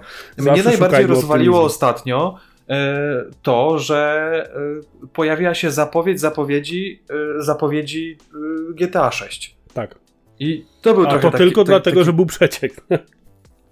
Tak, i, i ja tak sobie myślę, to jest naprawdę albo, znaczy, no umówmy się, no czekając ponad 10 lat na kolejną część GTA, to mimo wszystko, nawet jak tam powiedzmy nie za bardzo lubisz w to grać, to i tak się zainteresujesz i Nie no, i na pewno zajrzę, wiadomo, nie? Ale a, e, będzie to na pewno jakieś tam srogie wydarzenie, ale ja się obawiam, że to, to wyjdzie dopiero z premierą PS6, nie? Tak, bardzo możliwe. I tyle. No. Więc, więc tak to wygląda, że no, ciężkie czasy nastały dla graczy. Tak, i na pewno za 5 lat poruszymy temat Diablo 9, które wyjdzie do tej pory. I jeszcze ci powiem jedną rzecz. No, Nawet e, świeżynka totalna godzinę temu się dowiedziałem. no, No, powiedzmy, że półtorej godziny, bo już prawie półtorej godziny nagrywamy. no. Gosia y, przeszła Mario Wonder na Switchu. O, popatrz. Zobaczyła napisy końcowe, co też mnie zaskoczyło. E, Gdzieś tam sobie, sobie grała na tym Switchu i rzeczywiście to też gra na tyle. I nie była jakaś długa gra. Myślę, że to jest do 20 godzin może, może nawet nie. Znaczy jak na grę Mario, no to i tak nieźle. Ale jest miodna, totalnie. To jest naprawdę, jak niektóre osoby dają 10 na 10 tej grze, to ja jestem w stanie naprawdę y, przyznać im rację, bo, bo ta gra jest. y, Tam No się co, tyle coś, coś dzieje. To jest, ma, no. tak wszystko ze, sobie, ze sobą współgra. Tak wygląda cukierkowo, ale tak pozytywnie cukierkowo wygląda ta gra. Że naprawdę chce się grać. Ostatni, ostatni temat, y, który chcemy dzisiaj poruszyć, a który poruszyliśmy 5 lat temu, to są czytniki linii papilarnych w smartfonach. I wtedy. To będzie krótki, krótkie omówienie tego po pięciu latach. no, tak, powiem tak ci akurat szczerze, na zamknięcie ja po pięciu latach przestałem zwracać uwagę na to, czy czytnik linii papilarnych jest. To Mhm. się jakieś trzy lata temu stało nie tematem. Bo kiedyś to było No, istotne, tak, zabezpieczyć ten tak. telefon, żeby jednak nikt nie mógł się do niego dostać. Teraz A potem wiem, się to okazuje, że, y, że Donald ma y, 55555 jako hasło zablokowania iPhone'a i, wiesz, i każdy... No to już No, pomijam, że dobra. to było głupie z jego strony, ale okej. No trochę Ale tak. No. to teraz jest. Znaczy tak, wtedy jak rozmawialiśmy na ten temat, to zwracaliśmy uwagę na to, jak ergonomiczne będzie umieszczenie z przodu albo z tyłu. Zwracaliśmy Mhm. na to uwagę, jak technologicznie były rozwiązane. Czy trzeba było dotknąć, czy jeszcze trzeba było maźnąć. Teraz. Ja 3-4 lata temu używałem Face ID, żeby otwierać telefon. Mhm. Mój telefon się odpalał, kiedy zobaczył mój ryj. I to było chyba Oppo Reno 17 czy coś takiego. Jakiś, wiesz, no wtedy flagowiec, ale teraz na, na dzisiejsze standardy, no to rupieć, nie? I Mhm. chociaż rupieć, ja wiem, wróciłbym do niego, naprawdę bym wrócił do niego. E, czy ty Ja pamiętasz, wrócił do kiedy BlackBerry. Ty, no, masz go pewnie w szufladzie No. pół metra od ciebie. Jest, jest. E, Trochę, troszkę dalej, ale jest. I przeraża mnie to, że tematy, które wtedy były tak istotne, że trzeba było o nich porozmawiać, teraz Mhm. stały się absolutnie nie tematem. To jest tak oczywiste, że każdy telefon ma czytnik linii papilarnych, że każdy telefon ma możliwość odblokowania się biometrycznie.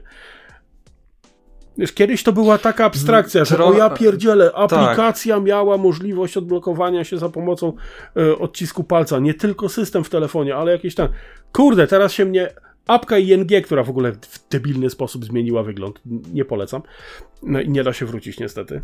E, pyta się mnie bez przerwy, czy ja chcę użyć czytnika linii papilarnych. Ja to nagrywam na telefonie, który kupiłem ile? Z dwa lata do tyłu. I Mhm. ja nawet nie wiem, gdzie on ma czytnik linii papilarnych. Naprawdę, nie, nie używam tego w ogóle, nie jest mi to do szczęścia potrzebne. To widzisz, ja, ja widzę tutaj tak, że rzeczywiście wcześniej były debaty, nie? Który czytnik jest lepszy, w jakiej sytuacji, czy ten z tyłu, czy ten na boku, czy ten w ekranie, czy pod ekranem, czy kurwa dodatkowo dokładany, nie? E, tak jak na przykład mam przy stacjonarce czytnika e, linii papilarnych używam, jest w USB wpięty. Jak chcę się zalogować do systemu, no to cyk, dokładam palucha i się loguję, no nie? Em, ale w przypadku smartfonów zauważyłem jedną tendencję taką, że rzeczywiście te czytniki są, ale już nie ma e, e, powiedzmy czterech ro- rodzajów tych czytników, czterech miejsc tych czytników, tylko no lwia część urządzeń ma ten czytnik jednak wbudowany pod ekran. To raz. Zdarzają się przypadki, jak na przykład nawet ta Motorola. Ona ma czytnik na krawędzi, ale to głównie wynika pewnie z konstrukcji tego telefonu, No że tak, pewnie jakby dodali czytnik pod ekranem, to ten telefon byłby tam grubszy. powiedzmy kilka dziesiętnych y, milimetra grubszy. E, I Sony na przykład też jest taką firmą, która jeszcze ten czytnik z boku sobie tam montuje i, i to też ma jakieś plusy, ma jakieś minusy, ale rzeczywiście większość telefonów, nawet jakichś śrutofonów e, za powiedzmy 800 zł, ma ten czytnik wbudowany w ekran. I trochę e, jedyne, co mi tutaj nie pasuje, to to, że nie ma takiego ustandaryzowania tego czytnika, że on znajduje się na różnej wysokości. E, Ja na przykład w Vivo swoim prywatnym X70 Pro Plus ten czytnik mam bardzo blisko dolnej krawędzi i dla mnie powinien przynajmniej o grubość palucha być trochę wyżej. E, Są telefony, które mają je za wysoko. Są telefony, które e, ten czytnik e, działa trochę słabiej, trochę w innych działa trochę szybciej. No ale zmieniło się w zasadzie na przestrzeni tych lat to, że ten czytnik jest. To nie jest już taka nowość, że e, mówiąc o jakichś tam zaletach tego telefonu, czy wymieniając jakieś najważniejsze Wspomina się o tym, że jest. Nie? funkcje, jest to, że ten, że ten czytnik jest. Pomija się po prostu to, że ten czytnik w tym telefonie e, mamy. I powiem Ci tak, że e, nie wiem, czy obecnie tak e, e, za wiele byśmy debatowali właśnie na ten temat e, i stworzylibyśmy z tego rzeczywiście taki poważny temat na to, żeby, żeby się trochę tam e, po, pokrzyki, e, wiesz, po, powykrzykiwać, co jest lepsze. Tak, ale widzisz, ja też zauważyłem taką drobną różnicę, która była 5 lat temu, której nie ma teraz, że różnica między telefonem śrutowym a flagowym e, była nie tylko kolosalna pod kątem finansowym, ale to też była kwestia dostępności. Nie każdy miał flagowca. Spora część Mhm. ludzi miała telefony tanie. Ja sam należę zawsze do tej grupy ludzi, którzy używają telefonów tanich, bo dla mnie telefon nie potrzebuje kosztować więcej jak, jak 2000 zł, absolutnie. Mm, I te czytniki linii papilarnych w telefonach tych właśnie tanich, one nie były takie jak teraz, że tam, tam trzeba było przystawić, gdzieś przesunąć, taka technologia z lat 90., jak w IBM-ach starych, że musiałeś to. One nie były fantastycznej jakości, bo nie były, no, no, no nie, nie czarujmy się, nie? Ale przez te ostatnie 5 lat ta technologia poszła do przodu tak bardzo, tak jak mówisz. One się różnią od siebie tym, gdzie są, a nie że są. I Mhm. chyba wydaje mi się, że to, ja bym chciał, żeby foldy i te wszystkie składane telefony poszły tak do przodu, jak te czytniki linii papilarnych, żeby nie było tematem rozmowy, że no bo on się składa tak, albo tak, albo się składa w ten sposób, tylko że no on się składa. Mhm. I, I teraz załóżmy, że nie wiem, no nie mówię, że każdy, bo nie każdy lubi tego typu konstrukcje, nie? Ale żeby te 40% telefonów na rynku była składana. I żeby one nie kosztowały rękę, nogę, nerkę i, i, i pół żony, nie? Żeby to, bo ja nadal uważam, że te telefony składane, jak tam zawała ktoś trójkę, no to jest za dużo po prostu. Telefon nie powinien tyle kosztować. Moja własna osobista fanaberia, żeby nie płacić nie wiadomo jakich pieniędzy za telefon, no bo on też nie do tego służy. To jest urządzenie, które jest wyciągane cały czas, niech spadnie, niech się stłucze. No 7 koła poszło się paść. No, no, no nie, wolałbym nie. Więc y, zobaczymy, może za 5 lat będziemy mieli technologię, nie wiem, e, opiłków DNA z 3 metrów, że będzie się odblokowywał, bo nas wyczuje, albo coś takiego, nie? Kurde, powiem ci, Adam, że za 5 lat to ja bym chciał, żeby wszystkie urządzenia Apple'a miały USB-C. Ja nie wiem, czy to dojdzie do tego, czy nie, czy to jest za krótki czas, czy nie. Ty nie mów głośno, Ale bo no, zwolennicy Apple'a będą chcieli, żeby wszystkie telefony na tej planecie były Apple'a. To, to dlatego mamy tak mało e, słuchających na Apple Podcast. No dlatego, że ja nie lubię Apple'a, może to, może to jest to. Nie, nie, dobra. Dobra, nie idźmy tą drogą. Ale tak, y, czytniki na pewno się poprawiły. To, to, to nie ulega wątpliwości. Nadal zdarzają się telefony, gdzie rzeczywiście ten y, paluch trzeba przytrzymać, powiedzmy, te, ten ułamek sekundy więcej.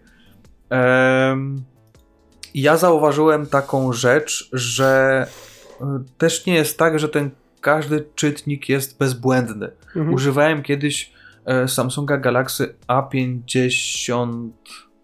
W zasadzie to nadal używam A52s jako służbowego i uwierzcie mi, że ten czytnik nadal nie działa idealnie i często było tak, że musiałem albo kilka razy przytrzymywać palucha. Mało tego, za każdym razem, jak pośliniłem palucha, co, co bardzo rzadko robię, ale w ramach testu, w ramach testu, lepiej działało i łapało za każdym razem, jak ten paluch był mokry. To też jest w ogóle głupota. To ja ci od razu o, mówię, że teraz. Ja ci teraz od razu mówię, że jak ci ten telefon wypadnie, ja ci go nie podam. Dobrze. A chyba, że tak, nie? Tak wiesz. Od góry, przez szmatę. nie, no przecież to nie jest tak, że za każdym razem. Nie, no ja rozumiem, śmiesz. ale tutaj a propos, No. to jest mój E, Ale osobisty. po, pokazuje, pokazuje ułomność tego systemu, że e, w telefonie za powiedzmy, który kosztował, nie wiem, 2,5 tysiąca złotych, Trzeba poślinić palec. kurwa. I, i trzeba, wiesz, żeby lepiej działało, nie? Znaczy, to jest, to jest E, moja albo- osobista. Jest taki. No, dla, dla mnie ja, tak samo. ja no, nadal mnie pracuję tak z ludźmi w sklepie i teraz najlepsze jest to, że przeszliśmy pandemię, przeszliśmy maseczki i tak dalej. W tym tygodniu przychodzi kobieta, ewidentnie chora, przeziębiona. Ja nie wiem, co jej jest. Ale jest chora, widać po niej, że jest chora, bo taka przygarbiona gorączka, cieknie perlisty pot, ma maskę na dziobie. Ona przychodzi do mnie, mam jej do płacenia, ona zdejmuje maskę z ryja, ślini palec i, i daje mi bank. No mówię, no urwa twoja mać, to, to po co ta maska? Ale to jest, to jest często spotykane, tak. E, nawet powiem ci tak, że to Motorola mam, no nie? Mhm. I zobacz, jak, jak szybko jest ona w stanie odblokować telefon. Nawet, nawet nie dotknę, Nynk, już. Nawet nie czuję, żebym cały opuszek położył na tym czytniku, a on już, już jest odblokowany, no nie? Mhm. Więc, więc to, to naprawdę, naprawdę się rozwinęło. I tak kończąc już e, tutaj o tych czytnikach, e, zauważyłeś, że te czytniki pojawiają się w innych urządzeniach niż smartfony i tablety? Bardzo często przykład, e, bo- widzę w laptopach. A nie, no to w laptopach to już od paru lat ostatnich- jest. W przycisku Nie, no, uruchomienia. wiem, że były, ale- nie? Ale to jest taka funkcja, która rzeczywiście w ciągu ostatnich tych pięciu lat się trochę bardzo trochę bardziej ustandaryzowała Mhm. i często jest tak, że czytnik linii papilarnych jest wbudowany w przycisk zasilania Mhm. i ty włączając laptopa tym paluchem, który masz zapisany, już od razu się logujesz do systemu. To tak na przykład Znaczy, w laptopach Huawei To u jest. Huawei właśnie było. No i teraz co mnie, co mnie y, bawi, to to, że ja już 5 lat, o tym, 5 lat temu o tym mówiłem. Że wracamy Mhm. do technologii IBM-ów z lat 90., gdzie tam trzeba było paluchem przeciągnąć. Tak, tak. Żeby były, no teraz Lenovo, Huawei, wszyscy wracają do tego tematu, tylko że no już, już inna technologia y, przyłożenia palucha i niekoniecznie y, trzeba go poślinić, nie? E, No jest lepiej, no, jest no, lepiej. umówmy się, jest ale lepiej. powiem ci szczerze, że ja jestem y, rozbawiony i rozczarowany jednocześnie, bo my spędziliśmy Mhm. wtedy bardzo dużo czasu na dysputach na temat tego, gdzie jest lepiej. Czy to jest ten pod palcem wskazującym, czy pod kciukiem, czy bokiem, czy przodem, czy tyłem. A teraz, no, no jest, no. No dokładnie, no Pe- jest. pewne i- rzeczy się normalizują. Po, po, po 8 latach czy po 5 to już nic nas nie zdziwi, nie? Więc e, No. też, też I musimy na myślę, że jakbyśmy uwagę. tak z, z 5 lat temu gadali o tym, co się działo jeszcze w poprzednie 5 lat y, wcześniej, to byśmy y, w wielkich ochach i achach gadali o USB-C w smartfonie. A teraz Znaczy ja no, jestem, ja jestem, każdy ma. Ja jestem na USB-C nadal bardzo cięty i bardzo je lubię i wspominam bardzo serdecznie. E, Mam nadzieję, że wszyscy będą musieli Mhm. wprowadzić. Zobaczymy, może się uda. Dobrze, moi drodzy. Myślę, że y, możemy już kończyć. Pięć lat- E, pięć I lat tak minęło. ten odcinek Krzychu, 5 lat minęło, ty czujesz to? to jest. Jest Powiem ci, tak- że nie wiem, jak strzeliło. Zacytuję klasy. Ty, ty to czujesz? Ty to czujesz? I my nadal na tym podcaście nie zarabiamy, także. O, to jest właśnie. to jest to. Jest Ani to, złotówki, to jest matko. Ale, a, a wiesz, co jest E, najpiękniejsze? Ja od drugiego odcinka mówię, że się chętnie sprzedam, nie? No, no. Nikt Tak. nie chce kupić. Nikt. E, wyszło nam. E, wyszedł nam ten odcinek sporo dłuższy niż, niż ten pierwszy odcinek, ale to z prostego względu, no jednak ten, tą, tą e, To rozpędówkę taką mieliśmy pół, pół, półgodzinną na samym początku, więc, więc tak wyszło. Ale no. Ja się cieszę, że nagraliśmy ten odcinek, bo pokazaliśmy też, że my się zmieniliśmy, ale też sporo rzeczy się zmieniło w ciągu tych pięciu lat i o, w tych trzech tematach, o których rozmawialiśmy, to widzimy mniej więcej e, co, się, co, se, co się zadziało, nie? No. Za te To co, następne, kończymy? Za te następne 5 lat i do zobaczenia w następnym odcinku, no bo Dokładnie. do następnego. Do zobaczenia. Cześć.